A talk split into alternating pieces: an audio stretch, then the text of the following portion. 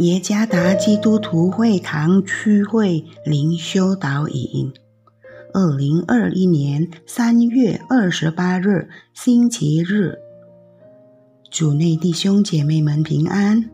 今天的灵修导引，我们要借着圣经提摩太后书第四章第六到第八节来思想今天的主题：有盼望的信心。作者复国节传道，提摩太后书第四章第六到第八节。我现在被交电，我离世的时候到了。那美好的仗我已经打过了，当跑的路我已经跑尽了，所信的道我已经守住了。从此以后。有公义的冠冕为我存留，就是按着公义审判的主，到了那日要赐给我的，不但赐给我，也赐给凡爱慕他显现的人。在大多数体育比赛中，尤其是跑步竞之比赛中。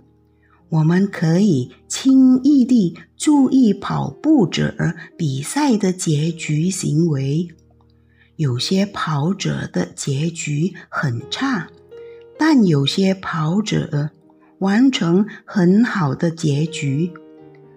对于那些完成很好结局的跑步者，肯定已经有奖牌或奖品为他们预备。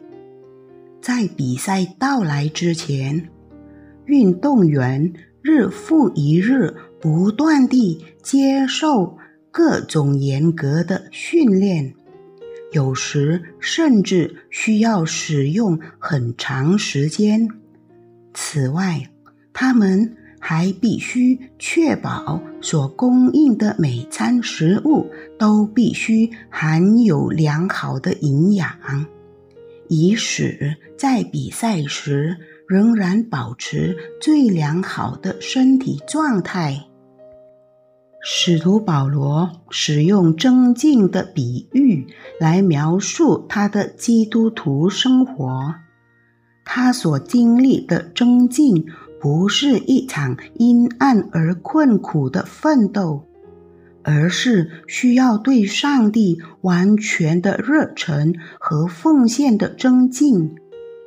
保罗已经与各种挑战和考验而征战，无论是来自魔鬼、犹太人的堕落和异教、犹太教教会的腐败、假的师傅、假使徒。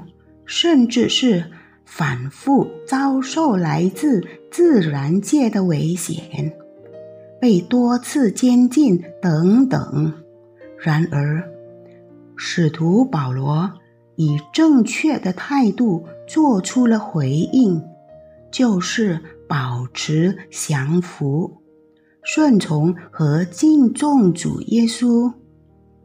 他的一生都是为主耶稣而活，包括在困境、疾病甚至痛苦中。对他来说，最重要的是，他的一生已经在上帝的灵指引之下，很好的坚守自己的信心。因此。使徒保罗在毕生竞争结束时，获得了上帝赐给他公义的冠冕，就不足为奇了。尽管如此，他并不认为获得的冠冕为自己的功价，而是上帝所赐的恩典。更为奇妙的是。这冠冕，上帝不但特别为保罗预备的，而且也赐给凡爱慕他显现的信徒们。因此，让我们也必须以热忱和奉献于神的心态，完成这场信心的增进。我们还晓得，当我们获得上帝所预备的冠冕时，全都是上帝在基督耶稣里赐给我们的恩典。信徒的生命是在他如何结束对上帝的信心征战。而不是在他开始信心之旅时来评价。主耶稣赐福。